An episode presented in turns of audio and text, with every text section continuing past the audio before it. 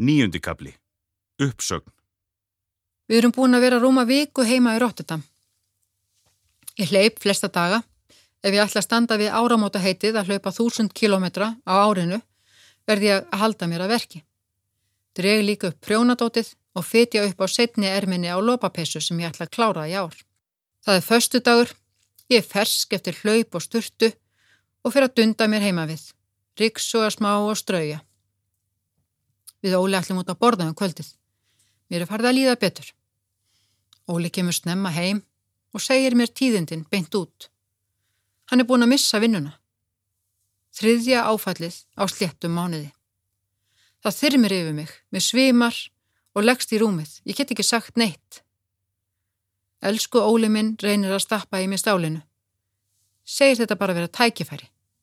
Ég er brotin. Alveg í maski eins og gler kanna á steingólfi. Veit ekki hvort hægt verður að tjastla mér saman mikið oftar. Það er eins og mér sé hend aftur og aftur inn í ringin með atvinnuboksara.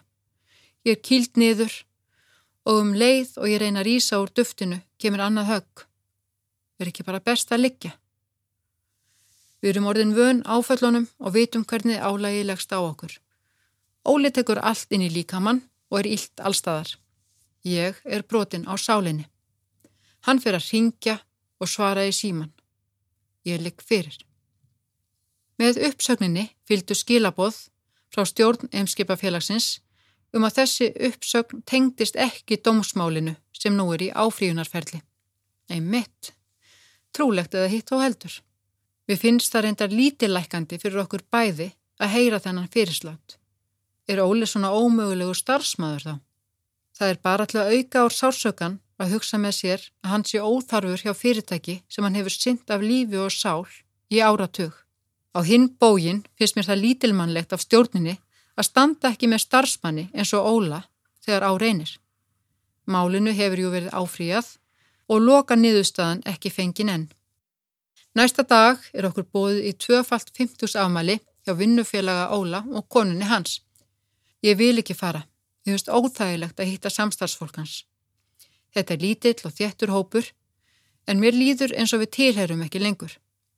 Afmælið á að standa frá hátegi og fram á kvöld með rútuferð og bæjarröldi í litlum hollenskum bæ sem við höfum ekki komið til. Við vorum búin að hlaka til dagsins. Þar sem við vorum með afmæliskefuna í okkar fórum, letum við okkur hafa það að mæta. Stoppuðum stött. Ég var með grátstafin í kverkonum og fannst eins og nærvera okkar hefði stuðandi áhrif á hina. Sennilega ímyndun en ég gata ekki staldra við lengur. Óli hefur val um það hvort hann vinni áfram og klárið þau verkefni sem hann er að vinna. Ég hvet hann til að mæta bara vennlegum tíma og vinna sína vinnu eins og vera ber. Hann tekur mínum ráðum og finnst gott að hafa mætt. Nokkrum dögum setna átti Óli að fara á fundi á Facebook í London og hann heldur sínu striki. Ég fer með og við hittum Nínu Hjörðísi, dóttur mína, og kærasta hennar í London. Nína er einmitt þrítug þennan dag og við bjóðum unga parinu á geggjaða meitingastað og fögnum frametti kvöldi. Gott að hitta sitt fólk og gleima vandamálunum um stund. Á meðan Óli er á fundunum næ ég að hlaupa í Regent Park og skoða mig aðeins um. Ég hitti hann svo í smá bóði hjá Facebook og heilsa upp á fólki sem hann hefur verið að vinna með við að innleiða Workplace sem er eins konar Facebook fyrir vinnustæði. Allir hrósa honum í hástert. Óli is a legend around here, segir einn konaðið mig. Allir eru miður síni við því að hann sé að yfirgefa ymskip.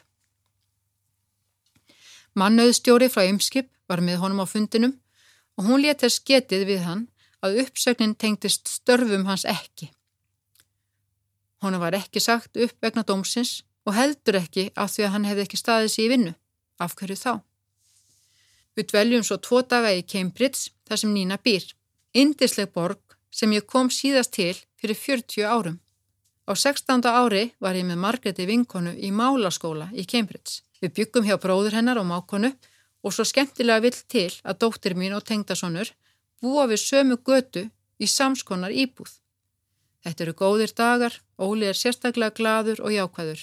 Við skoðum þessa sögufrægu háskólaborg, förum í siglingu á Onni Kam og höldum upp á 260 ára afmæli skoska skáldsins Robert Spörn á Burns Night á skemmtilegri breskri krá.